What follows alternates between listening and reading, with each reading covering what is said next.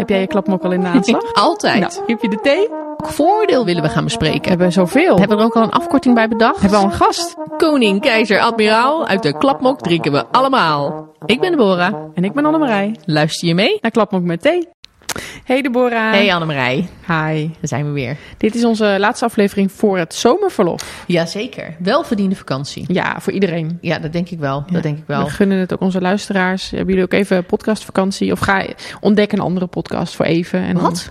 Ja, voor eventjes. Voor de Nee, vakantie alleen. nee, en dan echt- kom daarna weer terug. Nee, nee. Oh. nee, mag dat niet? Mogen mensen niks anders luisteren? Nee, natuurlijk wel. Dat Oh. wel. Maar dit is niet het moment om af te haken. Nee, dit is het moment om, om bij te luisteren. bijluisteren. Ja, We- het ik kan me ook best voorstellen. Het, het zijn natuurlijk, als je zijn er veel. Juist, en het duurt ook lang. Ja. En dat is natuurlijk lekker, want je kan natuurlijk geen genoeg van krijgen, al zeg ik het Snap zelf. ik ook.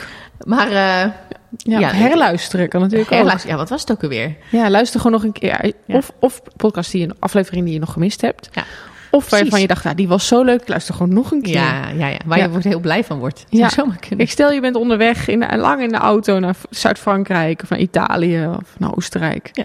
Of je doet een rondreis door IJsland. Je doet een rondreis door IJsland. Het kan die heb zomaar. je ook. Ja. Nou, zet gewoon lekker de podcast op. Begin bij aflevering 1 en eh, zie waar, waar, waar wij je brengen. En nou ja, je reist de hele wereld rond inmiddels. Die uren podcast waar je van kan genieten.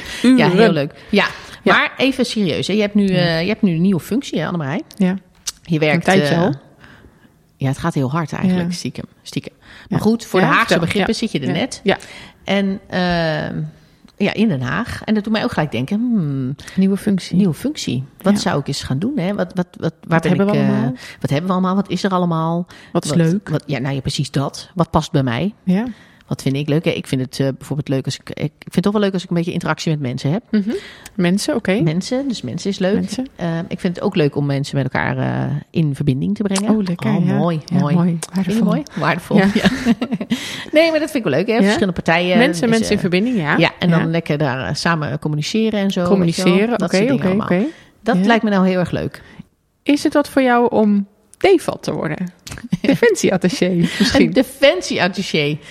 Lekker naar het buitenland. Ja, dan moet je naar het buitenland, hè? Ja, misschien Ja. Een, een leuke, best- mooie bestemming. Lekker zonnig. Ja, nou ja, ik weet dat als ik dit thuis opper, Ja. dat de Staan klaar? dan staan ze klaar. Oeh. Dat ik dan hier eh, de, het, de anker aan eh, het blok aan je been ben. dan denk ik, nou, deze... Gedoe. Ja, ja, ja, want wat ik dan niet heb, hè, al die kwaliteiten, briljante kwaliteiten die we net hadden, Ja, ja. dat is natuurlijk leuk. Maar ik heb niet zo'n talenknobbel. Oh, ja, dat moet natuurlijk wel. Dus dat, dat Ja. beperkt zichzelf eh, dan al gauw tot eh Engelstalige regio's. Oké. Ja, Ja. die zijn En- ook leuk. Ja, en, en Annemarij, wil ik dan de hele dag champagne drinken? Nou, Het is wel, het is wel gezellig. Het is wel gezellig, maar... Ja, nou ja, weet je, ik, ik, denk, eh, ik denk als we kijken naar het voordeel wat we hebben voor deze aflevering, dat we maar eens in gesprek moeten gaan met, met de DEFAT van de zonnigste champagnepost. Ja. Ehm, en kijken wat, wat, hij, eh, wat zijn ervaringen zijn eh, op, eh, op- met het zijn van DEFAT. gaan wat we het doen. precies is, Ja. wat hij doet. En dan kunnen we daarna wel eens kijken of dat wat is. oké. Luister Ga maar luisteren. Nou, we schakelen over naar Mali, naar Bamako. De overste Wouter van der Hazel, welkom in onze podcast. Dankjewel. Leuk om, eh, om hier aan deel te nemen. Ja, heel leuk dat je er bent en eh, dat dit lukt zo met alle tijdverschil en, eh, en alle drukke werkzaamheden daar. Jij bent eh DEFAT in Mali of DEFAT van Mali. Eh, corrigeer me als ik het verkeerd zeg, maar vertel eens. Wat, wat doe je precies? Waar ben je van? En wat is een DEFAT? Ja, de, de DEPAD is de, de defensieattaché die verbonden is aan, eh, aan een ambassade. Ehm, ik ben de defensieattaché in Mali. Dat betekent dat mijn standplaats is de ambassade, de Nederlandse ambassade in, eh, in Bamako, de hoofdstad van Mali.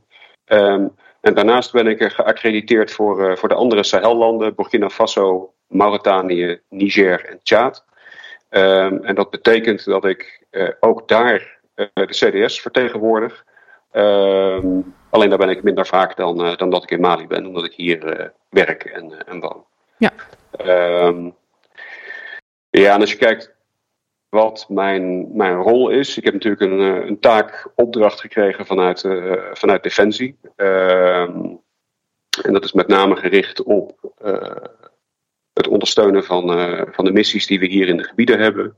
Ehm, het in de gaten houden van wat er gebeurt in het, in het veiligheidsdomein en daarover terugrapporteren naar, naar Nederland.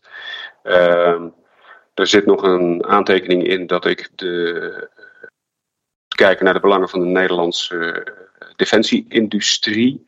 Daar doe ik zelf niet zo heel veel mee. Waar ik wel veel meer mee doe, is een punt dat conflictpreventie heet.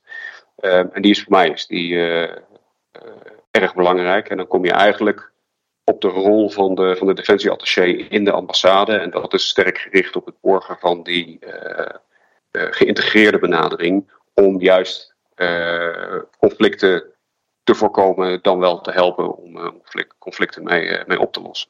Ja, zou je dan ons daar eens in, ja. in, in, in, mee kunnen nemen? Want ehm, ik, ik, ik, ik snap wat je zegt, maar als je het dan hebt mhm. over een geïntegreerde benadering, conflictenpreventie binnen de ambassade. Ja. Wat, wat, wat, wat, wat, wat doe je dan? Um, een heel concreet voorbeeld als je kijkt naar de uh, post in, in Burkina Faso. Uh, Burkina Faso heeft net als Mali een uh, probleem in, in, in hun veiligheidssector. Ehm, hun krijgsmacht was ondergedimensioneerd en dat hebben ze opgelost door de milities die ze van nature al hadden uit te breiden en in te bedden in, in de krijgsmacht. Ja. Um, nou zijn milities altijd vrij ingewikkeld om, uh, om mee te werken. Uh, dus we hebben samen met de post, en dan praat je over de ambassadeur die het politieke domein vertegenwoordigt, de defensieattaché die het militaire domein vertegenwoordigt en hoofdontwikkelingssamenwerking die het economisch domein vertegenwoordigt, hebben we gesproken um, wat zou Nederland nou kunnen doen om Burkina Faso uh, bij te staan in het uh, versterken van de positie van uh, dat soort eenheden? Ja. Um, en dan zie je dus dat er vanuit politiek zijn er wensen, er zijn ook bezwaren. Vanuit defensie zijn er wensen, er zijn bezwaren. Ontwikkelingssamenwerking ziet ook bezwaren en wensen. En dan proberen we dat, om, dat, om dat bij elkaar te krijgen. Um, en dat is fascinerend werk. Heel, heel interessant om, uh, om zo met die drie verschillende disciplines uh, samen te werken. Ja, ik kan me ook wel heel erg voorstellen dat dat, dat, dat ook wel uh, interne conflicten veroorzaakt. He, want ik kan me voorstellen dat de, dat de belangen vanuit defensie-oogpunt soms wel eens haak staan op die vanuit ontwikkelingssamenwerking. He, we hebben natuurlijk ook, ook wel eerder een podcast opgenomen met Kijk, dan moet ik even nadenken. Hoe waar was? Oh, Cordate. Ja. Met, met Cordate. En uh, hè, die heeft natuurlijk ook haar, uh, haar rol uitgelegd uh, in, binnen MINUSMA. Hè, of eigenlijk in, in Mali. Nee, niet binnen MINUSMA. Nee, precies, maar met Mali. In Mali. met. En ook de regio trouwens. Ja, dan eromheen. Ja. nou ja, precies. Dus een beetje ja. hetzelfde. Maar dat je dan ook natuurlijk af en toe andere belangen hebt. Of andere... ja, je, je staat gewoon voor iets heel anders dan, dan dat Defensie staat bijvoorbeeld. Uh, en hoe gaan jullie daar dan mee om? Kom je dan wel ergens met z'n, met z'n drieën?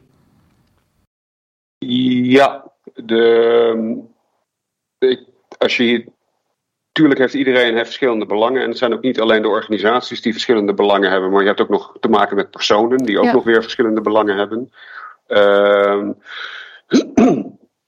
mijn ervaring is, en dat is mijn ervaring op alle verschillende posten, dat uh, die persoonlijke relaties onderling, dat die super, super belangrijk zijn. Ja. Uh, ik kan het goed vinden met de verschillende ambassadeurs. Ik kan het vinden met uh, de mensen van OS.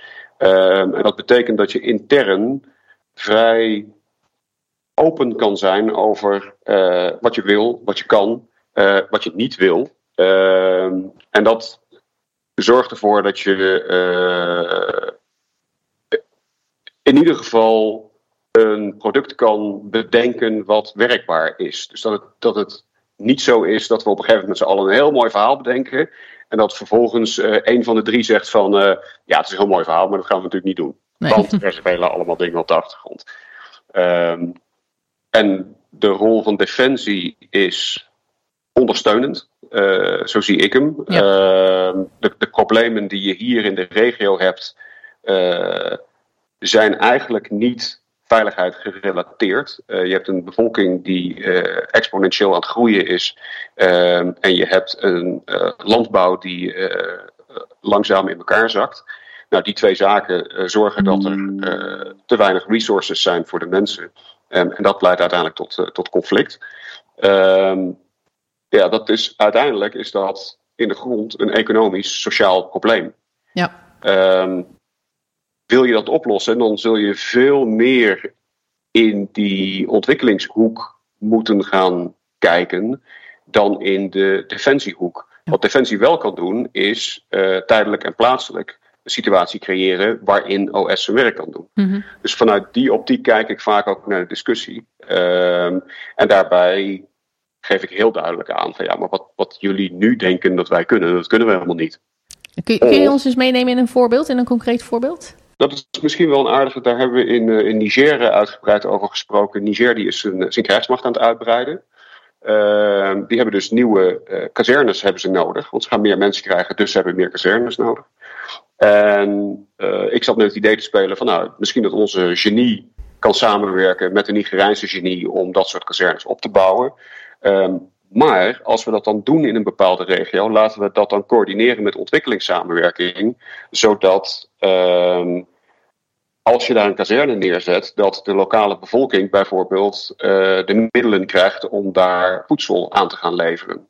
Um, dat de weg die naar die kazerne toe loopt, die je nodig hebt om je kolonnes te verplaatsen, dat dat ook een ontsluitingsweg is voor lokale markten. Dat je dat soort ideeën bij elkaar uh, probeert te brengen. Ja. En dan is, uh, als je dan vanuit een Nederlands defensieperspectief kijkt, dan is de, de wens van de Nigerijnse defensie is leading. Zij kijken naar van, uh, wij gaan onze krijgsmacht uitbreiden. We willen daar willen we graag een, een kazerne bouwen. Uh, en ontwikkelingssamenwerking kan aangeven van oké, okay, als we kijken naar die regio, dan zien wij deze ontwikkelingen en dan denken wij dat dit nodig is daar. Uh, mijn rol is dan om te zeggen van. Uh, ik, ik hoef daar niet over te besluiten. Ik hoef niet te besluiten waar die kazerne komt. Ik hoef niet te, te, te besluiten of er irrigatiekanalen gegraven moeten worden, ja of nee. Um, ik kan wel meepraten over uh, wat wij zouden kunnen inbrengen als defensie. Ja. Um, en daar komt bij dat ik heb, ik heb zelf een achtergrond in culturele antropologie. Uh, en ooit stage gelopen toen ik nog uh, heel erg jong was. In een uh, irrigatieproject in, in Sumatra, Indonesië. Dus ik heb wel wat beeld bij ontwikkelingsprojecten. Dus dat maakt het voor mij ook makkelijker om met, met OS te communiceren. Ja, oh, dat, dat denk ik zeker, ja. Ja. ja. ja, dat is toch leuk. Dan, dan heb je toch, dat doe je toch wel met die eerder opgedane ervaringen, zeg maar. En stiekem oh, ja. heb je dus ja. heel veel kennis, neem je eigenlijk gewoon al mee. Dat, dat sowieso. En sowieso, die opleiding heeft mij heel veel uh, winst, voordeel opgeleverd in, uh, in mijn werk voor, uh, voor Defensie. Ja, ja. ja. Nou, dat is een aanrader. Hè? Het is ook een bijvangst nu. Ja, maar, maar ik kan me ook voorstellen dat er ook wel wat cultuurverschillen zijn. Zo met al die verschillende partijen waar je dan mee samenwerkt. Ik denk waar jij dagelijks in werkt. Want jij, jij werkt natuurlijk gewoon op de ambassade. Um, het is toch een, een andere een andere categorie, of niet? Je bedoelt dat ze geen gevoel voor humor hebben? dat weet ik niet. uh, ja, het, het, is echt anders. Uh, je hebt twee heel verschillende departementen natuurlijk, met een andere focus. Ehm, wij zijn, wij militairen zijn heel erg gericht op ehm, leiderschap, planning van operaties. Uh, en dan in de uitvoer kijken we naar wat hadden we bedacht van tevoren. Uh, en welke kant gaan we op? En dan kijken we naar de persoon die daar de leiding in heeft. Als je dan kijkt naar uh, buitenlandse zaken, die zijn veel meer gericht op communicatie, oplossend vermogen. Uh, zij worden geconfronteerd met een situatie, uh, moeten daar nu in gaan handelen. Um, en daarvoor hebben ze een netwerk nodig. En moeten ze gaan kijken van oké, wat, is, wat is praktisch haalbaar? Wat zijn de, de kaders waarin ik uh, binnen moet blijven? Um, en daar zie je dan uh, echt wel een verschil. En dat is ook wel heel leuk om te zien in vergaderingen. Um, als je met buitenlandse zaken vergadert, dan iedereen die aan tafel zit, die heeft een stem. Um, en dan wordt er gekeken naar, kunnen we een consensus bereiken? En als we die consensus hebben, dan, uh, dan wordt dat het besluit. Tenzij het vanuit Den Haag wordt, uh, wordt aangegeven natuurlijk. Um, als je bij Defensie een vergadering hebt, dan praat de baas en dan geven mensen gevraagde input. Ehm, en op het moment dat er een besluit wordt, moet worden genomen, dan kijkt iedereen naar het hoofd van de tafel en dan zegt de baas: Dit is wat we gaan doen. En, uh, dus daar, daar zie je echt wel, wel een groot verschil in. En dat gevoel voor humor is uh, waar we het ook in het begin in de inleiding over hadden: het gebruik van afkortingen en zo. Onze wijze van communiceren is anders. Wij zijn direct. ja. we gebruiken veel afkortingen. Ehm, je, je, zou kunnen zeggen dat we ongenuanceerd zijn. Ik denk er zelf wat anders over. Maar het, het, in de grond komt het. Het kan heel, heel erg lomp overkomen. Mhm. Ja. En daar moet je toch wel enige vorm van rekening uh, mee houden. En dat is ook weer heel leuk om te merken. Ik, uh, nieuwe, jonge BUSA-collega's die ik tegenkom. dan moet ik echt opletten hoe ik dingen zeg. Ehm, maar ik heb ook een, een collega van Buitenlandse Zaken hier, die regelmatig mee is gegaan met de evacuatieoperaties. Nou, daar kan ik gewoon militair tegen praten. Dat is helemaal geen probleem. Vind ik geweldig. Ja, dus daar zit natuurlijk ook gewoon verschillen. Ook ja. Ja. ja, maar jij wordt daar natuurlijk wel als levensgrote infanterist uh, op zo'n uh, post geplaatst. Uh, er wordt natuurlijk van, van ons militairen wel eens gezegd dat we de politiek-bestuurlijke sensitiviteit van het Noordzeekanaal bezitten. Um, ja. En dat we ons daar verder in moet, zouden moeten ontwikkelen. uh, heb jij uh, aanvullende opleidingen moeten doen om dit te kunnen doen? Of had jij al de bagage mee? Hebben ze jou gewoon uh, uitgezocht om, om dit te gaan doen? combinatie. Ik heb de, de. Voordat je deze functie krijgt, krijg je een aantal opleidingen binnen Defensie. Ehm, en die zijn grotendeels hierop gericht. wat, wat is het internationaal politiek speelveld waar je in gaat bewegen. Uh, hoe kijken verschillende departementen naar, uh, naar de wereld en hoe verschilt dat van ons? waar hou je rekening mee? dus dat is. Qua opleidingen word je daar wel op voorbereid. ik heb zelf het geluk gehad dat ik bijvoorbeeld de HDV in Parijs heb gedaan. Oh ja. En daarna twee jaar in het, in het Franse hoofdkwartier heb gewerkt als liaison-officier. Ehm, dan... Ja, dus de champagne, daar was je al aan gewend? Zeker, zeker. um, dat, is, dat is een beetje jammer van Mali, dat het hier zo heet dat de champagne gewoon niet zo goed, uh, goed blijft. Vooral dat de stroom regelmatig uitvalt en dan, uh, dan ben je hem gewoon kwijt. Uh, Zonde. Dus nee, de, Ja, zonde, de, de ja. champagne. Ik, ja, ja, dus voor mij was uh, werken als liaison in, in Parijs meer een champagnepost dan, uh, dan dat Mali is. Oké. Um, maar goed, de, uh, daar ben je natuurlijk ook de vertegenwoordiger van Nederland in zo'n hoofdkwartier. Je loopt in een ander uniform rond met een andere vlag op je mouw. Ja. Uh, Ja. Met andere belangen. Dus daar, vanuit die optiek, uh, heeft mij dat wel heel erg geholpen om, uh, om me voor te bereiden op, op deze post. Ja. Um, Ja, want loop jij nu ook in ook- uniform eigenlijk? Ja. ja. Ik, doe dat, eh, ik doe dat bewust. We hebben een defensieattaché in dit land.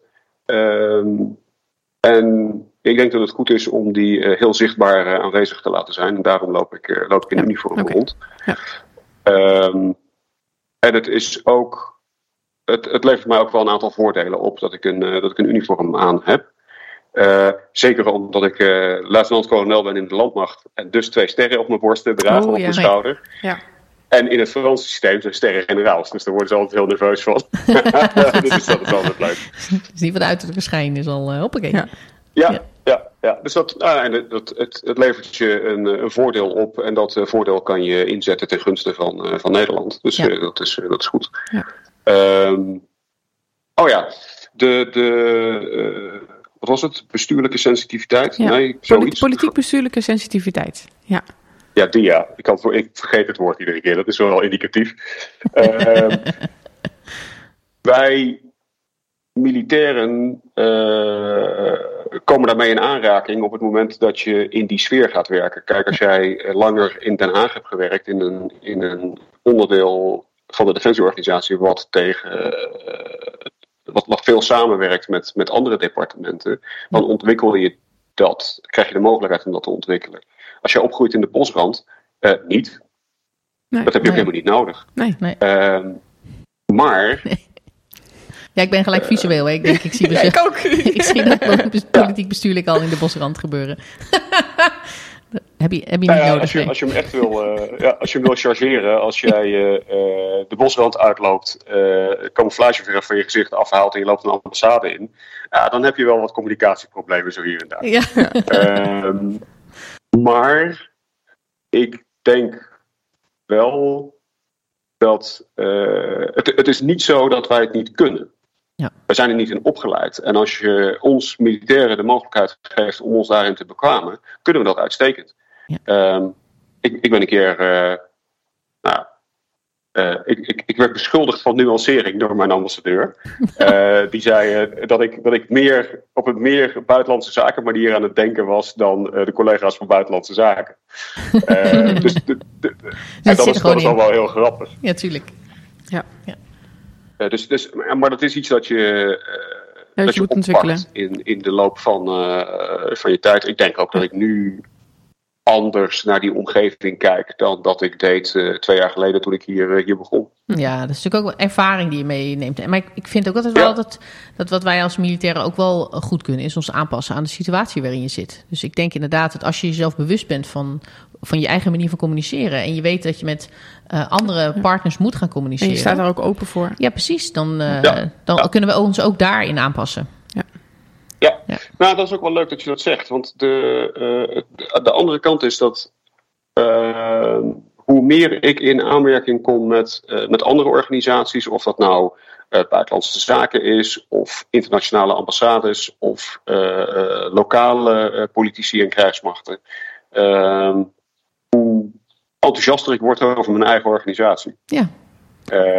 Defensie zorgt goed voor zijn mensen en leidt zijn mensen gewoon goed op. Ja. Eh, en, en ook als ik eh, met collega's in eh, defensiecollega's in Nederland communiceer, dan ehm, eh, dat, het werkt goed. Ja. ja. Ja, dat denk ik ook wel hoor. Maar als we het nu hebben over communiceren met, met Nederland. Hè. Ik wil ik even teruggaan gaan naar wat je, wat je dus straks zei.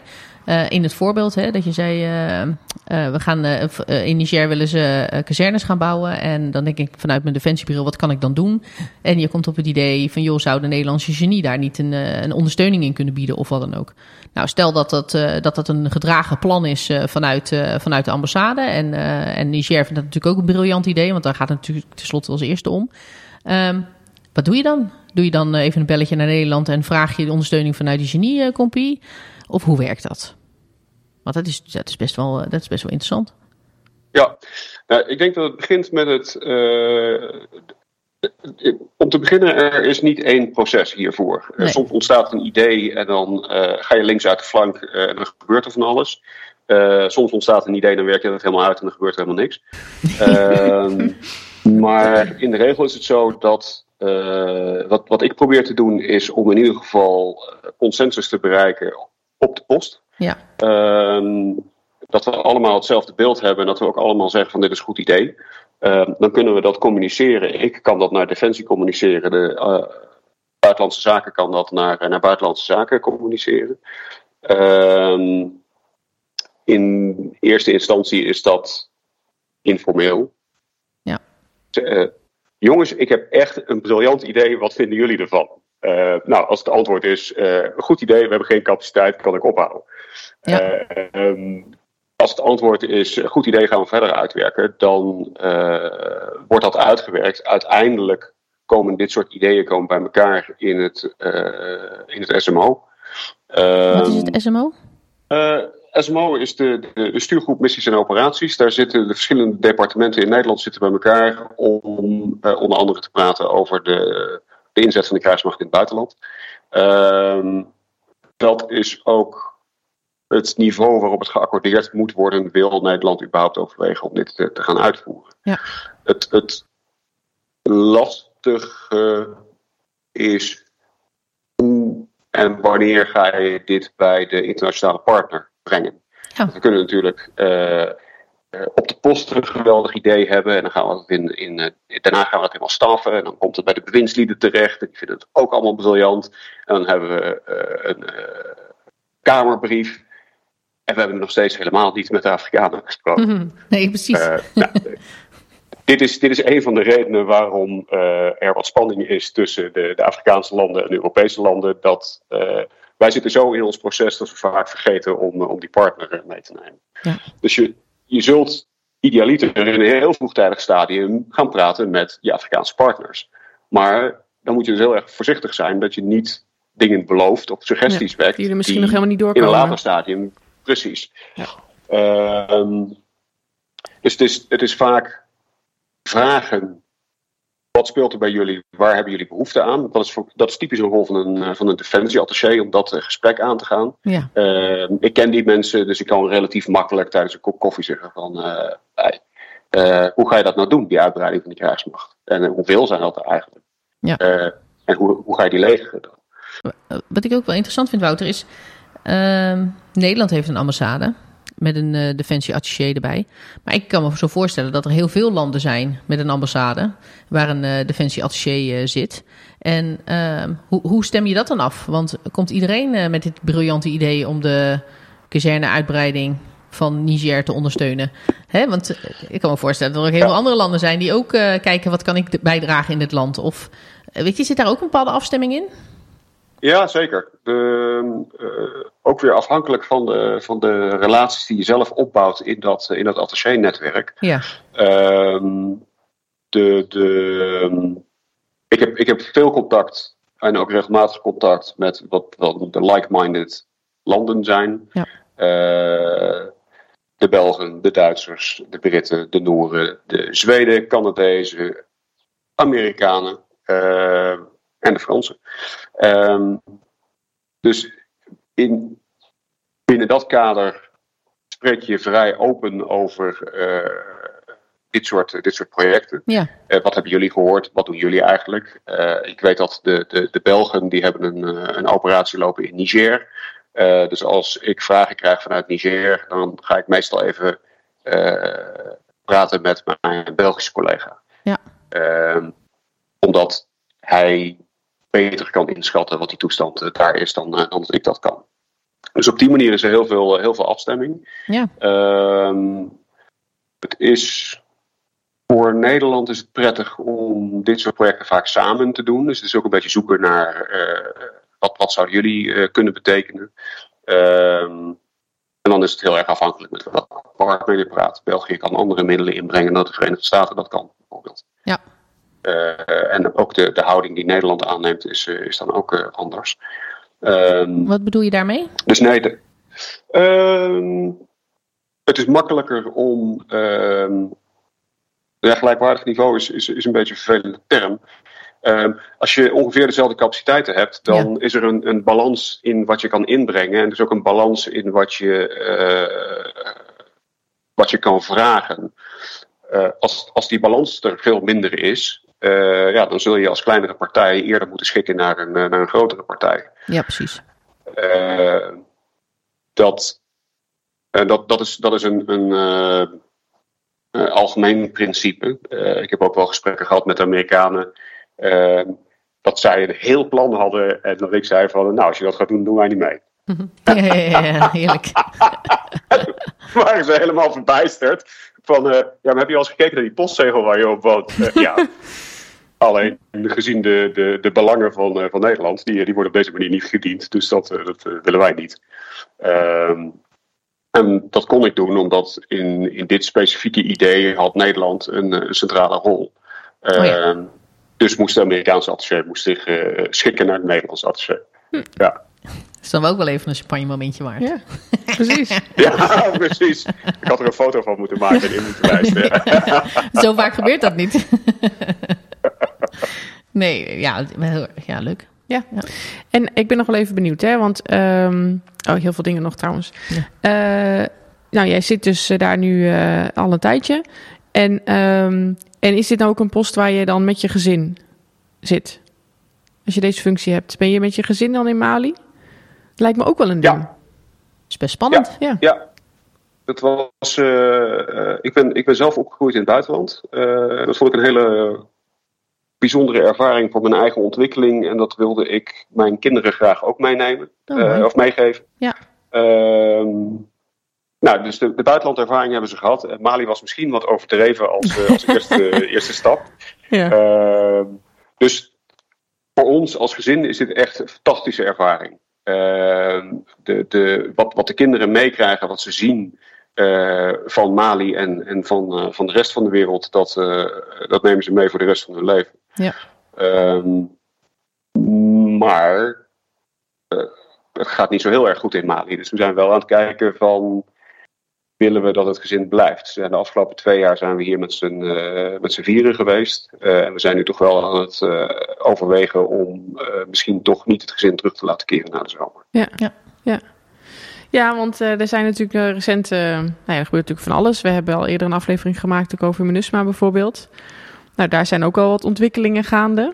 Want volgens mij las ik recent iets in de media dat, dat de Malinese autoriteiten MINUSMA hebben opgeroepen om te vertrekken. Ja, ehm, wat was het? 16 juni jongstleden heeft de Malinese minister van Buitenlandse Zaken in, in de VN gezegd dat eh, Mali graag wil dat eh MINUSMA vertrekt. Ehm, ja, het is ongekend dit. Dat, Ja. een, dat een Afrikaans land tegen de hele wereld zegt van uh, ga maar weg. Maar weten we ook waarom ze dat hebben gedaan? Hebben ze dat toegelicht? Of, eh, ik heb het berichtje Ja, ja, ja. En dat, dat, dat, dat, eh, ze lichten dat al een, een tijd toe. En daar zit ook een beetje het, het, het pijnpunt. Eh, MINUSMA is eh, tien jaar geleden opgezet om een vredesproces te begeleiden. Ja. Eh, je had, je had een, een, een, een bepaalde toestand op dat moment, om in militaire termen te blijven. Eh, en daar werd een operatie op, eh, op eh, ingericht. Ehm, en die toestand is significant veranderd. Die situatie in Mali nu, de veiligheidssituatie, is heel anders dan dat die was tien jaar geleden. Ehm, de Malinese autoriteiten die zeggen dat MINUSMA zich niet heeft aangepast aan die toestand. Dus dat je eigenlijk een operatie aan het uitvoeren bent die niet is gedimensioneerd op het probleem. Ja, en ziet het dan ook Ehm. op de, de terroristische eh, dreiging die er nu bijvoorbeeld veel meer is? De, de aanwezigheid van terroristische organisaties is, eh, is groter geworden, is ook diverser geworden. Ehm, en dat is ook de interpretatie van, van, van het concept het beschermen van de bevolking. Ehm, MINUSMA zegt wij beschermen de bevolking door aanwezig te zijn en te voorkomen dat eh, terroristen activiteiten kunnen uitvoeren tussen die Mhm. bevolking. Ja. Ehm, en Mali zegt eh, nee, het beschermen van de bevolking zit in het neutraliseren van die terroristen. Dus dat is wat jullie moeten gaan doen. Jullie moeten gaan vechten tegen die terroristen. Nou, dat, dat past niet in het, eh, in het mandaat van MINUSMA. Nee. Ehm, en dat is een. Malinese autoriteiten roepen dit al langer. Ehm, en daar wordt vanuit de VN wordt er eigenlijk weinig op gereageerd. Dus daar, en dat, dat creëert een, eh, een onrust hier. Nou, wat ook niet helpt, is dat de, eh, de penvoerder voor de MINUSMA-missie in New York, dat is Frankrijk. Dat is de oude koloniale macht. Ja. Eh, daar zit heel veel spanning tussen. Dus er is veel onrust, veel wantrouwen. eh, en dat heeft uiteindelijk geresulteerd in, eh, in het verzoek van, van Mali om de missie eh, terug te trekken. Ja, Dat is inderdaad wel dus heel die, en ze zijn, ja, nu zijn we dus aan het kijken van wat, wat voor effecten gaat dat hebben op, op MINUSMA. Eh, de Nederlandse collega's die in, in MINUSMA werken, wat voor effect gaat het hebben op de andere missies, eh, op, het, op de omgeving hier, op de veiligheid van het ambassadepersoneel. Ehm, Ja, want voor de, voor de, voor de beeldvorming, eh, het feit dat jij daar natuurlijk als een DFAT zit, heeft niks te maken met, het, eh, met, met de missie eh, MINUSMA, zeg maar. Jij zit daar natuurlijk sowieso als DFAT ja, bij de ambassade. Ehm, zo is het wel begonnen. Eh, deze post is begonnen als een project, DEFAT, die echt specifiek gekoppeld was aan de, de missie MINUSMA. Toch wel. Ehm, ja, en dat is inmiddels eh, is dat veranderd omdat de Sahel eh, in het Nederlands buitenlandbeleid een prioritaire regio is. Eh, nou ja, als dat zo is en je staat een geïntegreerde benadering voor, dan is het natuurlijk logisch dat je een defensieattaché hebt zitten in, eh, in dit gebied. Ja, exact. Dus die post is, is veranderd van een, van een projectattaché naar een reguliere attaché. Heb ik daar direct nog wel even een vraag over? Want ik zag dat er onlangs een nieuwe Afrika-strategie, Nederlandse Afrika-strategie is uitgekomen. eh, Voor 2023 tot eh, 2032. En daar staat in dat, eh, dat Afrika eigenlijk als geheel wordt beschouwd. En dat er geen splitsing meer wordt gemaakt in verschillende gebieden in Afrika. Is dat Ja. wel terecht? Kan je, ja, kan je daar wat over zeggen? Hoe zit dat? Als, als attaché in de Sahel zeg ik natuurlijk van dit kan helemaal niet, want de Sahel is wezenlijk anders dan alle andere delen Ja. en ook heel veel belangrijker. dat Ehm, sowieso natuurlijk. ja, natuurlijk. Ja. Eh, maar ja, het, het, het probleem voor Nederland is natuurlijk als, eh, als je dan onderscheid gaat maken in Afrika, welk onderscheid ga je dan maken? Ja. Eh, en elk onderscheid wat je maakt heeft zijn voor- en zijn nadelen. Dus er is, er is best wel wat te zeggen om, zeker in dit soort documenten, helemaal uit te zoomen en Afrika als, eh, als geheel te beschouwen. Ehm, Ja, dat je dan eigenlijk daaronder, dat je dit als een overkoepelend iets hebt. En dat je daaronder nog steeds kan zeggen, we hebben voor de Sahelregio ehm, nou ja, Ja. meer toegespitst eh, bepaalde prioriteiten. ja, bijvoorbeeld. Bijvoorbeeld. Ja. Oké. Ja. En de, nou ja, een, een hele aardige nu is als je kijkt naar de, eh, de Sahel en de, de kuststaten. Want de Sahel is geïsoleerd in de zin van dat het geen toegang heeft tot de, tot de zee. Mhm. Ja. Ehm, de kuststaten die hebben dat, nou in de naam zit het al, die hebben dat, die hebben dat wel. Eh, wat we nu zien is dat de onrust die in de Sahel ontstaat, dat die eh, ook lijkt te ontstaan in de kuststaten. Oké. Ehm, dus de, de- weet alles is wat dat betreft met elkaar verbonden. Dus Mhm. vanuit die optiek is het niet zo gek om, om, om het als geheel te zien. Maar het is wel goed om te kijken. eh, wat is nou de, de, de problematiek in de Sahel? En hoe uit die problematiek zich? En hoe zit dat dan voor die kuststaten? Is dat dan vergelijkbaar? Want als dat zo is, dan zou je ook gaan kijken, kunnen kijken naar vergelijkbare oplossingen. Maar als de problematiek anders is, eh, ja, dan heeft het geen zin om de oplossing voor de Sahel toe te passen in de kuststaten. Dan zul je een, een andere oplossing moeten vinden. Ja, dus één strategie overkoepelend. Dat is prima, maar wel bewust blijven van de verschillen Precies. en eh, wat je wil bereiken en waar. Ja, en daar, daar heb je natuurlijk. Daarom heb je ook je ambassades zitten in de verschillende landen om juist die nuance aan te kunnen brengen. Daar zit je, je, je local knowledge. Ehm, en die kunnen heel goed aangeven van oké, binnen het kader van die grotere strategie zien wij voor onze regio dit als, eh, als belangrijke punt. Ja, en dan een andere die ik wel opvallend vond, is dat het is dus een Nederlandse Afrika-strategie. Maar ik zie voor een heel groot deel wordt er gesproken eigenlijk over Europa en de EU. En de relatie EU-Afrika. Ehm, is, dat, is dat een heel zwaar iets? Of, en ik ben ook wel benieuwd, hoe ervaar jij eh, dat, dat jij vanuit Nederland, zeg maar, hè, dat jullie daar een bepaalde strategie mee krijgen? Is het nu dat we echt als Nederland zeggen, wij hebben bepaalde belangen en wij willen daar een bepaalde kant op en dat jij je daar ook een, bepaalde focus vandaan krijgt? Of is het meer dat we vanuit Europa bepaalde dingen, dat daar een bepaalde relatie is en dat dat, dat eigenlijk de boventoon voert?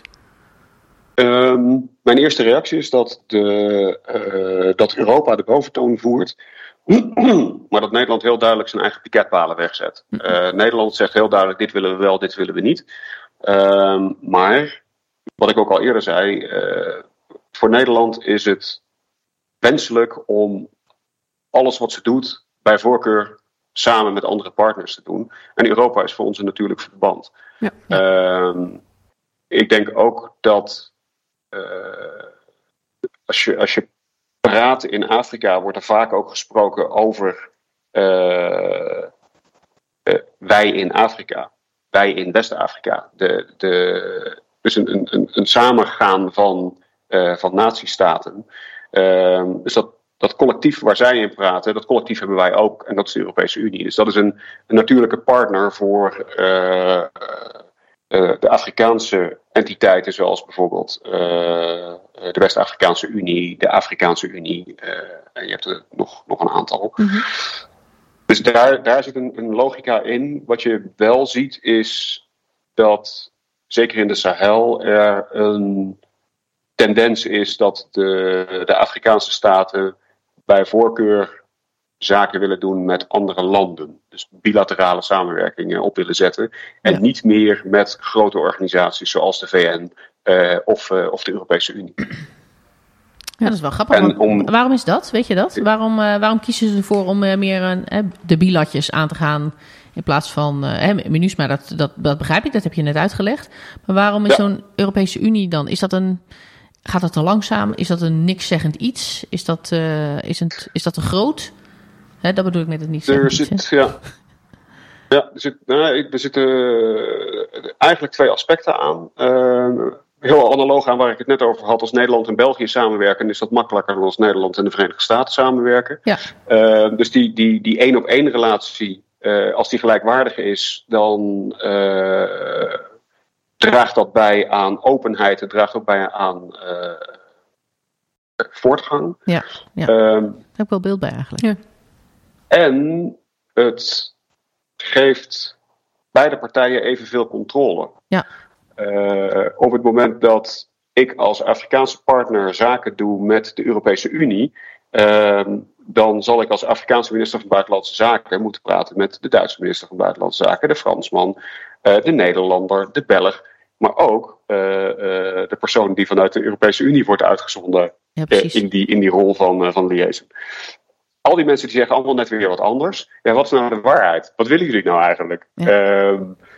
en ja, dat maakt op het, het moment dat veel je dus die, die bilaterale relatie hebt, is die, is die communicatie is gewoon heel veel makkelijker. Ja, ja. Uh, dus ik, ik denk dat het een, een combinatie is van dat ze meer controle hebben over het, uh, over het proces. Uh, of in ieder geval het gevoel hebben dat ze dat hebben. Um, en dat je toch makkelijker stappen kan maken dan, dan als het een, een, een groter verband is. Alleen al in, in, in onze besluitvorming als het een, een, relatie is tussen bijvoorbeeld Burkina Faso en Nederland, ja, dan is het het SMO dat daarover beslist. Ja. Ja. Als het een relatie is tussen Burkina Faso en de Europese Unie, uh, ja. dan zijn er nog wat andere fora die daar ook Precies. over moeten gaan beslissen. Ja. En de vraag is wat er dan uitkomt en hoeveel tijd dat kost. Ja. Nou ja, precies. Dan moet je inderdaad, en dan gaat het langer termijn denken, wordt echt een hele lange termijn denken, uh, voordat je natuurlijk uh, besluit hebt en dan tot resultaten komt uiteindelijk. Mm -hmm. Ja, dat is ook wel zo. En wat, wat, daar, ja, en wat daar ook meespeelt natuurlijk is, uh, uh, ze hebben gezien wat de, hoe MINUSMA heeft opgetreden. Uh, en daar zijn ze niet onverdeeld gelukkig mee. Dus dat, dat is niet iets wat ze graag willen reproduceren. Ja, ja ik vind dat wel een interessante zienswijze. Mm -hmm. Goed, mijn Frans is niet zo goed. Dus uh, om nou te zeggen, we gaan eens even met de Malinese overheid uh, om de tafel een podcastje inrichten. Ja. Om te kijken hoe zij dit ervaren Dat hebben. wordt wat lastig. Dat wordt wat lastig. Maar ja. ik vind het wel interessant om, uh, om te zien wat er nu inderdaad wat er nu gebeurt. Um, wat, wat, ik nog wel even... Ik, ik, zit echt op het puntje van mijn stoel. Want dan denk ik, ja, je, je zit daar in Mali. Je krijgt, hè, vanuit Nederland krijg je richtlijnen mee. Maar wat zijn dan die richtlijnen? He, want wanneer zegt Nederland nu wel of wanneer niet? He, we, hebben het, we hebben het er wel over, maar wat is dat dan concreet? Heb je, krijg je een boekje mee, een briefje mee van nou, Nederland wil graag dit of Nederland is er voor dat. Kun, kunnen we dat zo concreet aangeven? Want wat doen we als Nederland nee. voor Afrika? Um, nou, wat Nederland doet voor Afrika, als je kijkt naar het Sahel, uh, Mali is, uh, is de post met het grootste ontwikkelingshulpbudget van alle Nederlandse posten. Ja. Uh, we zitten hier al heel lang. Van oudsher zijn er hele sterke banden tussen de universiteiten hier en de universiteit in Leiden. Uh, dus de, de, die relaties die bestaan wel. Ja. Uh, nou, we hebben tien jaar uh, MINUSMA gedaan. We hebben militairen gehad in uh, de Europese trainingsmissie. Die zitten er nog steeds. Ja. we hebben HCC en politieagenten gehad in de civiele missies hier. Um, dus die, die banden zijn er en er gebeurt heel erg veel. Uh, maar er is niet een concrete richtlijn in de zin van we moeten dit gaan versterken of we moeten dit gaan doen. Is het constant afstemmen, constant, uh, oké, okay, dit speelt er nu, wat kunnen we hierin betekenen? Constant die vragen blijven stellen, die vragen terugkoppelen om te kijken wat haalbaar is ja. op het moment. Ja. en dat soort zaken. Dat is... Ja, het is, het is, is steeds, steeds voelen van, van wat speelt er, waar liggen de behoeften, uh, um, heeft Nederland daar interesse in, wat zou Nederland eventueel kunnen betekenen, hoe kunnen we dat bij elkaar brengen, ja. uh, hoe past dat in dat grotere kader van die, uh, van die geïntegreerde benadering. Ja. Um, dus, dus dat is een, in algemene zin mijn, mijn opdracht. Ja, de hele concrete die ik heb is natuurlijk de missieondersteuning ja, hier ja, voor de Nederlandse militairen in de missies. Ja. Dus als daar wat mee is, dan uh, kan ik, daar, kan ik daarin uh, in helpen. Ja.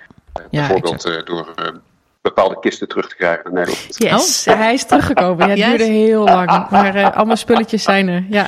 Doe je dan ook iets met zoekgeraakte post of dat dan weer niet? Ja, Deborah heeft nog wat opgestuurd na een hele tijd geleden. Ja, begin december al. Is nooit aangekomen. Oh, Zo dat- jammer. Ja, al maar begin december. Dat, is, eh, dat was eergisteren eh als je kijkt naar, eh, naar de verbindingen af en toe. Oh, dus die kan nog Ehm, komen. Dus als, als het aankomt, dan komt het in ieder geval terug. Dat, ja. Heel goed. Ja, ik, ik, kreeg, ik kreeg toevallig de, de, de post van iemand die niet meer in het gebied is. Ja, die kan dan weer via de, via de lijn, dan gaat hij dan weer, eh, weer terug. Ja, duurt het weer een paar maanden. Dat kan, dat Ja. kan. Maar hij, komt, hij komt met de regel Ja, komt hij goed, altijd wel aan. goed. Ja. Ja. Ja, ja, ik, ik ben benieuwd, ik ben benieuwd. We gaan, Ja. we gaan hem volgen. Hey, maar, maar Wouter, we hebben Ja. voor deze aflevering eh, natuurlijk een vooroordeel, zoals we dat eigenlijk nou, bijna altijd hebben. En dat is nu de zonnigste champagnepost. Want het zijn van DEVAT of eventueel landmachtattaché, dat is toch, nou ja, heeft een beetje als vooroordeel. Je gaat eh, de recepties af. Eh, je hebt misschien zelfs een receptieschema van wie gaat wanneer naar welk feestje. Eh, je gaat champagne drinkend voorwaarts. Ehm, nou ja, je bent vooral een beetje naar buiten toe. Hè. Je bent natuurlijk dan het gezicht van. Nou, jij eigenlijk van- de Nederlandse krijgsmacht hè, in, de, in de Sahelregio. Ehm, dus je bent vooral een beetje van de leuke dingen. Hoe is dat nou in het echt als jij die functie hebt die jij nu hebt? Het, het begint dat als ik zeg dat ik als defensieadviseur geplaatst ben in Mali, mensen echt super enthousiast worden. Dan beginnen ze over, oh wat gaaf, en die stranden zijn zo fantastisch en die palmbomen. Dan zeg ik, nee, het is, het is Mali. Ja. Niet Ja, Bali. Nou, dan, dan wordt het enthousiasme al iets minder. Eh, we hebben ook heel veel strand hier, maar niet zoveel zee. Ehm, ja, heel groot strand. ja. ja, het wordt ook steeds groter. Ja. Ja. Ehm, dat, dat klopt, dat is, dat is het beeld van, eh, van de defensieattaché, de recepties aflopen. En dat. Nou, ik, ik heb mijn eigen balboekje. Ik heb, eh, vanavond heb ik een eh, receptie bij de Luxemburgers. Morgen hebben we een eh, Nederlandse gelegenheid op de residentie van de ambassadeur. De dag daarna hebben we iets, iets bij Benusma. Dus er speelt wel wat. Maar als ik dat vergelijk met bijvoorbeeld mijn collega in Parijs. ehm, dan is het, het, het receptiecircuit in Bamako ongeveer afwezig. Eh, Ja. In Parijs moeten ze, moeten ze bijna gaan afstemmen of de defensieattaché of zijn, eh, zijn plaatsvervanger naar eh, welke receptie gaat. Dat ze af en toe ook een keer een avond vrij hebben. Dat is hier wel, wel anders. Ehm, maar dat is ook inherent aan het, aan het theater waar ik in zit. Ehm, dit is natuurlijk sterk operationeel georiënteerd. Ehm, vragen die hier spelen zijn: wat gebeurt er in de missies? Hoe zit het met de veiligheid? Veel meer dan eh, wat is de houding van, eh, van, van de Duitse overheid ten opzichte van dit soort operaties. Ehm, Ja, je zit in een En, iets minder eh, stabiele omgeving natuurlijk. nou, nou dat, en, maar de focus is ook anders. Hè. De, Ja. de focus hier is veel meer militair dan dat die politiek is. Ehm, en dat, persoonlijk vind ik het heel prettig. Eh, ik, ik vind deze omgeving vind ik, vind ik heel leuk om in te werken. Ehm, en nou ja, ik doe het al twee jaar. Die twee jaar zijn voorbij gevlogen. Eh, ik denk als ik twee jaar lang iedere avond naar een receptie zou moeten gaan en dezelfde mensen zou zien, dat ik daar meer moeite mee zou hebben. Ja. Ehm, Ja, en toch begrijp ik dat- net dat is- uit, je, uit je verhaal wel dat, dat het ontzettend belangrijk is dat je, dat je een goed netwerk hebt. Eh, dus ehm, Ja. hè, we, we doen natuurlijk een beetje lacherig over eh, de zondagse champagnepost of een champagnepost überhaupt en al die recepties. Maar het heeft Het natuurlijk heeft wel een doel. Ja. En als ik jou hoor hoe afhankelijk, en met name ook met name hè, buitenlandse zaken in hun hele optreden. Want kijk, ik kan me voorstellen dat wij als militairen meegaan eh, met, de, eh, met de verzoeken die bij de ambassade terechtkomen natuurlijk. Ehm, of de uitnodigingen eigenlijk. Ehm, maar ik, ik, denk, ik denk wel, het, het is onoverkomelijk dat je het hebt. En, je- en je geeft zelf aan hè, hoe belangrijk het is om, om terug te kunnen vallen op je netwerk. Hoe belangrijk het is om af te stemmen met elkaar. Want Nederland is natuurlijk maar een klein land. eh, kan dus verhoudingsgewijs ook maar een kleine ondersteuning leveren. Zoek daarin de samenwerking op. Ja, en die moet je wel hebben. En die moet wel goed zijn. En hè, we hebben het natuurlijk ook al kort over, over gehad. Ja, dan ben ik even de hele podcast aan het samenvatten. Ja, ja, mooi, mooi. Daar ben je altijd heel goed in. Ja, ja, bedankt. maar maar eh, nee, wat je natuurlijk zelf zegt, we, zitten met drie spelers en ik, je kent ze gewoon. Je hebt echt een goede persoonlijke relatie met die mensen. Ja, die moet je wel opbouwen. En, dat, en dat, dat, dan heb je die, eh, ja, ik weet die champagne is soms gewoon nodig, of de recepties nodig om uh, meer tot elkaar te komen, elkaar goed te begrijpen. Uh, ja, ook internationaal elkaar te ja, vinden. internationaal. Ja, ja. Met name ja. natuurlijk leuk de hele dag met z'n drieën champagne drinken, maar het gaat met name om de contacten die je natuurlijk hebt waar je mee samen wil werken. Hè? De, de, de like-minded landen en zo, dat moet je wel onderhouden natuurlijk. Ja, en het, het, probleem is natuurlijk ook als je te veel champagne drinkt, dan gaat het weer ten koste van de communicatie. Juist. Uh, nee, maar het is, allemaal balans, is, alles draait om balans. ja. Um, ja. Nee, maar dat, dat is wel, dat is wel een, een goed punt dat die, die netwerken zo belangrijk uh, zijn. Ja. Ik heb, ja. nou ja, uh, ik heb iedere twee weken nodig ik de, de Nederlandse militaire en politieagenten die in de missies zitten uit op de ambassade. Oké. Okay. Om, uh, en dat, dat, is, dat, is een, uh, dat is een overleg van anderhalf uur en daarna gaan we lunchen. Uh, ja. En dat overleg is primair gericht op elkaar even zien. Uh, even zinken van hey, hoe gaat het? post uitwisselen. als er iemand net terug is uit Nederland, stroopwafels en dropjes uitdelen. ja, ja, ja. Maar ook, ja, maar ook even heel concreet zaken bespreken. Als goh, zijn jullie op de hoogte van het feit dat er morgen een grote demonstratie plaatsvindt in die hoek van de stad? Ja. Dus, dus dat is een netwerk. En daarbij heb ik de, mijn civiele counterpart in de ambassade in Bamako. Uh, die vanuit buitenlandse zaken naar uh, veiligheid en stabiliteit kijkt. Die is ook uitgenodigd om daarbij te zitten. Ja. Um, en ook onze regionale veiligheidsadviseur zit daarbij. Dus op die manier breng je al die verschillende uh, elementen weer, weer bij elkaar. Um, ik heb een ander voorbeeld is dat ik komende dinsdag een, uh, een diner heb met de like-minded defensieattachés hier in, uh, in Bamako. Uh, en dan ik hun uit. dat, dat roteert een beetje. Dus op die manier um, houden we in een informele setting houden we contact met elkaar. En dat is echt nou, zonder agenda kijken wat komt er ter tafel. nu zal het met name gaan over MINUSMA. Wat zien ja. jullie? Hoe, hoe gaan jullie daarop reageren? Ja. Um, dus, dus op die manier heb je heel veel contact. Ik heb uh, we hebben hier in, in, in Bamako hebben we een uh, school voor vredesoperaties. De ambassadeur die zit in de Board of Trustees en ik ben liaison naar die school. de Duitse liaison is een burger vanuit Buitenlandse Zaken. Oh ja.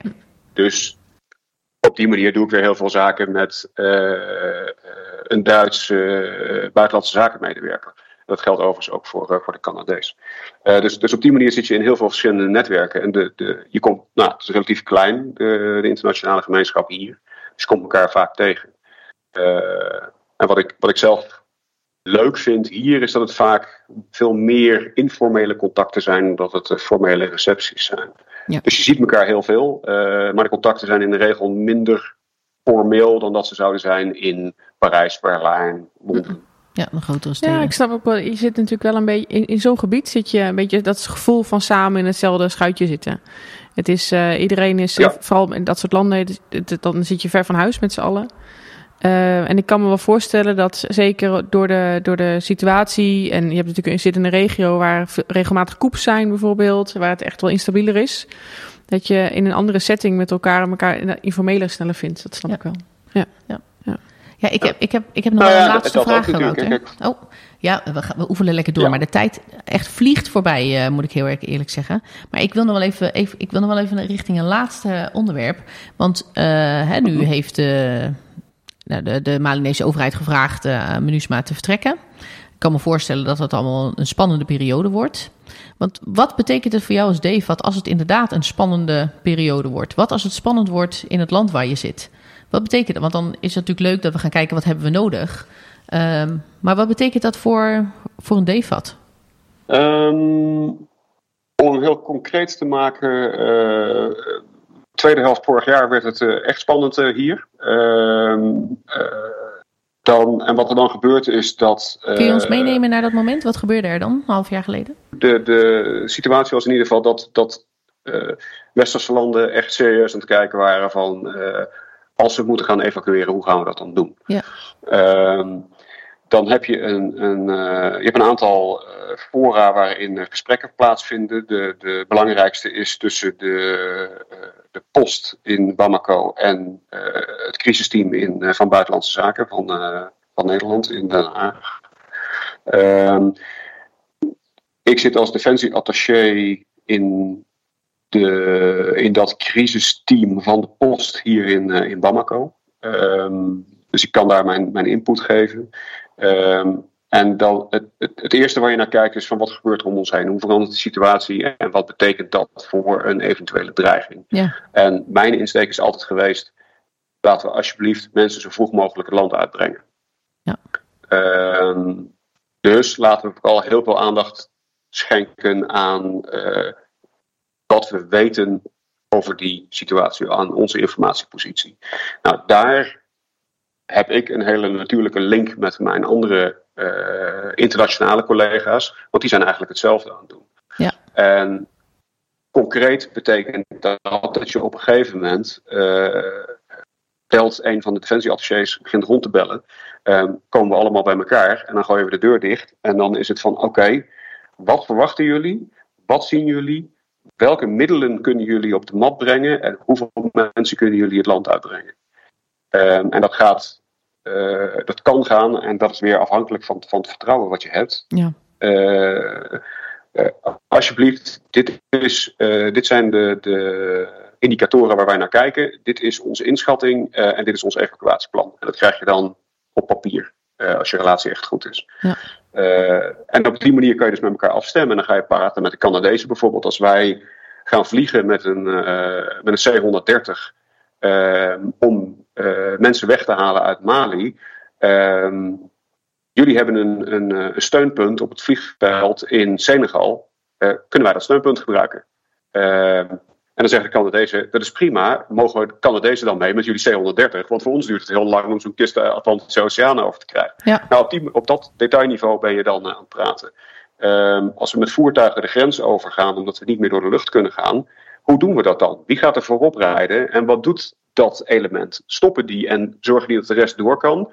Of uh, trekken die hun eigen plannen en rijden ze door? En dat, dat detailniveau, daar ben je dan met, met andere defensieattachés over gaan praten. Ja.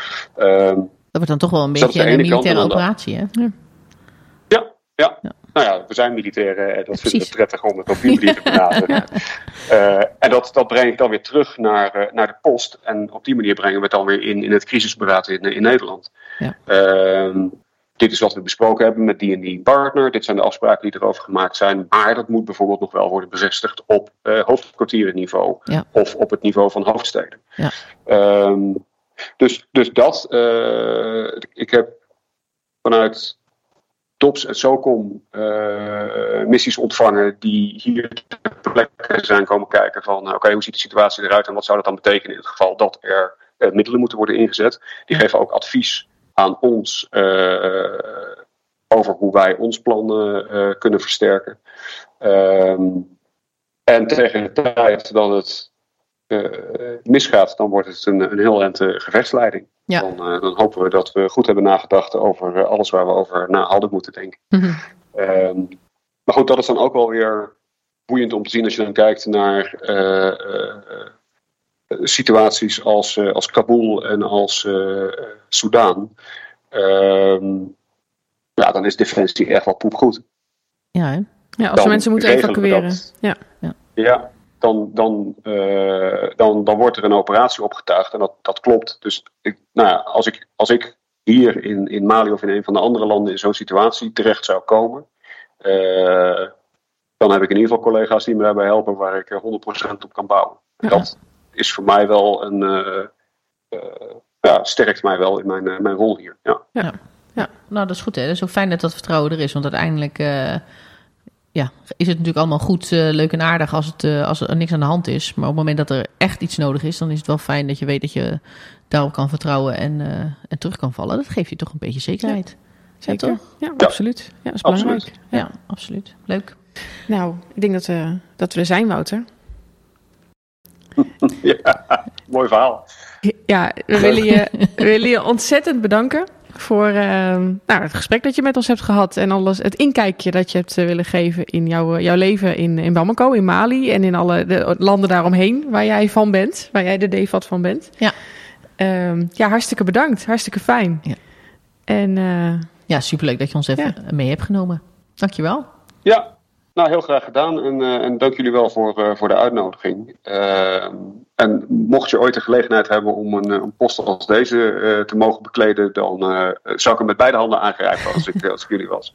Nou, dat is ja, fascinerend. Echt, echt gaaf om te doen. Ja. Nog een jaartje, hè? Moesten we dan uh, over een jaar dan uh, zitten wisselen. Ja, ja. ja, ja. ja. houd in gedachten. Begin nou wel in je Frans te werken. Ja, ja, ja,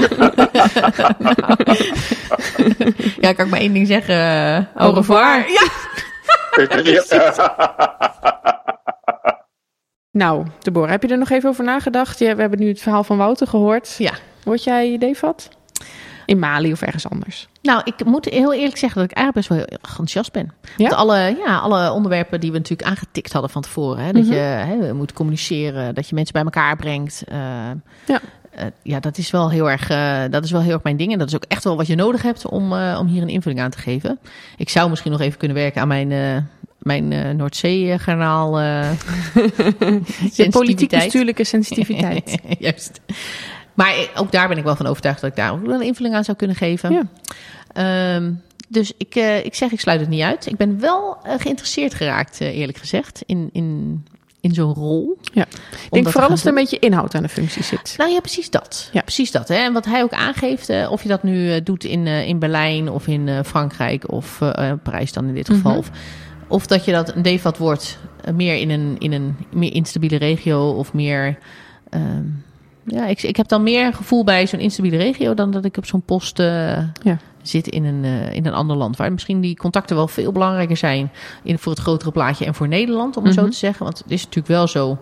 Uh, ja, waar ligt de focus van Nederland nu? Daar hebben we natuurlijk ook al over met de minister gehad. Hè? En, en, en, en, wel meerdere keren komt het terug in de verschillende podcasts. de focus in Nederland, de primaire focus ligt echt aan het Oost, Oost-Europa. Mhm. ja. maar goed, ook iedereen is zich wel bewust dat we ook Afrika in dit geval uh, niet moeten vergeten. En dat daar natuurlijk ook nog wel een bron van allerlei conflicten ligt. Hè? De migratiestromen die daar natuurlijk vandaan komen. Ja. Uh, dus helemaal je ogen ervoor sluiten kan niet. Maar ja, uiteindelijk uh, hebben we natuurlijk niet de capaciteit om de hele wereld te ondersteunen en te voorzien van. Dat mm -hmm. moeten we echt in samenhang doen met Europa. En, maar goed, dat kwam ook wel en Amerika natuurlijk, en de NAVO op militair vlak. Ja. maar dat kwam ook wel uit het verhaal van Wouter terug. Ja. Ehm, maar het lijkt me dan toch wel leuker om zo'n regio te, te, te mogen vertegenwoordigen, zeg maar, namens Nederland dan iets anders. Maar goed, dat is hoe ik er nu naar kijk. Ja. En jij? Zie jij eigenlijk van, een, van de DFAT? Nou, ja. Ik, ik wel een beetje hetzelfde als jij. Mm Kijk, het lijkt me sowieso heel, gewoon een heel mooi avontuur om gewoon een keer ook met uh, als gezin gewoon een uh, aantal jaren in het buitenland door te brengen. Ja. Voor je werk. Ja.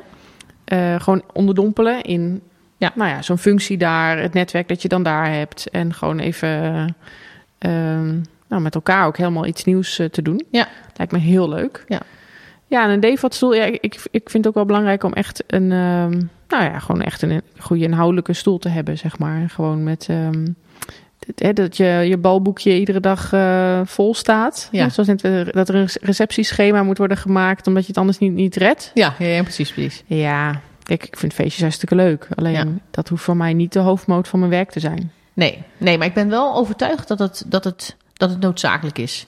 Het, is, het klinkt natuurlijk heel erg, uh, oh, we gaan een champagne drinken voorwaarts en we hebben allemaal recepties. En, uh, maar het is zo nodig, wil je iets voor elkaar krijgen. Ik denk dat de, dat de meeste besluiten, de meeste gesprekken mhm. plaatsvinden tijdens die uh, recepties. Dat zie je vaak, hè? De, koffie, de koffieautomaat verhalen opmerkingen, gesprekjes, die zijn mhm. vaak waardevoller dan die vergadering waar uiteindelijk geen besluit is genomen en iedereen voor opgetuigd is. Uh, dus ik denk wel dat je het nodig hebt. Het moet alleen niet de boventoon voeren. Ja, nee, precies, precies. En dan moet je, maar dan moet je dus ook iets te bespreken hebben. Ja, exact. Ja, dus dat, dat de receptie is dan het vehikel. Ja. Uh, maar dan moet dus wel iets aan de grondslag liggen. En ik denk dat ik dat wel, dat ik het anders een beetje zonde zou vinden. Ja. Gewoon. Ja. Ja. Ja. ja. ja. Maar um, ja, en dan zijn er misschien wel andere buitenlandse stoelen die dan uh, interessanter zijn. dus, maar um, ja, nee, maar inderdaad, ja, dat idee. Ja. Oké, oké. Okay. Um, ja, en, en, maar ik kan me nog, nog steeds niet zo heel goed voorstellen hoe je met gezin in, um, in Bamako gaat wonen. Nee, je bent er geweest natuurlijk. Dus ja, je hebt ik zou daar uh, mijn man en zo niet, niet mee naartoe nemen. Nee? Nee. Nee. nee. Uh, waarom niet? Want er zit, luisteraars zitten nu echt een puntje van de stoel. Oh, waarom niet, Annemarij? Is het daar niet, eh, is het niet eh, fris? Is het niet veilig? nou, het stinkt eh, sowieso. Ligt overal rotzooi. Ja. Ja. maar ja, ja nee, er is gewoon wel... Kijk, nou is Bamako van heel Mali natuurlijk het veiligste stukje. Ja. Maar toch qua ehm, dreiging die er, of onrust die er af en toe toch wel is... zou ik dat geen fijn idee vinden. Nee. En ja, het is... Ik vond het heel bijzonder en ik vond het echt... Ik heb me echt vier maanden lang mijn ogen uitgekeken. En ik vond het heel gaaf om een keer dat in, gewoon in het echt mee te krijgen... hoe zo'n Afrikaans land, eh, hoe dat allemaal gaat in Het cultuurverschil te groot. Ja, het- ja, ja, Ja. dat denk ik. Ja, dan moet je natuurlijk wel, eh, dan moet je voor, dat moet je liggen, hè? Dat moet je Ja. ook willen en dan moet je natuurlijk ook voor openstaan. Ja. En ja, ja, je merkt het allemaal wel een keer als je ergens op vakantie gaat naar een, eh, naar een ander land Mhm. Eh, dan wat je normaal Dan gesproken wordt het toch liever Devat in Rome? ja, nou, precies. Nee, maar dat is dan toch wel even schakelen. Ja. De vraag is, ga ik op vakantie, vind ik dat even leuk? Maar we hadden het over Bali en Mali. Ja. Ehm, kijk, Bali op vakantie gaan is leuk, maar zou je er willen wonen? Dat weet ik ook Ja. niet of dat dan zou Ik hoef willen. eigenlijk ook niet op vakantie. Nee? Nee. Oh, nou, dat is, weer- waar halen we? Dat is best een aanrader hoor. Ja? ik heb Bali zelf niet gehad, maar ik ben wel Zuid, eh, wel die Zuidoost-Azië. regio. Ja, ja, laten we hier ook nog een keer een aflevering over maken. Over de Maar goed, vakantietips. Ja, leuk. Dit is wel echt een, eh, een laatste aflevering voor de zomervakantie. hè? Ja, we we zitten zijn- helemaal in stijl. Eh, Toe aan vakantie. Ja. Nou, Ja. zullen we de mensen dan niet langer ophouden en eh, iedereen dan gewoon een hele fijne zomer wensen? Ja, geniet ervan. Absoluut. Blijf luisteren. Ja. Haal even wat eh, afleveringen in als je wat achterloopt. Ja, en eh, pak daar even lekker tijd voor. En we zijn in, september weer terug. Ja. En we hebben ontzettend veel plannen nog. Dus er kom- komen nog genoeg afleveringen aan. Absoluut. Dus, ja, een mooie teaser. Ja, En ja, geniet van de zomer. en tot de volgende Tot keer. de volgende keer.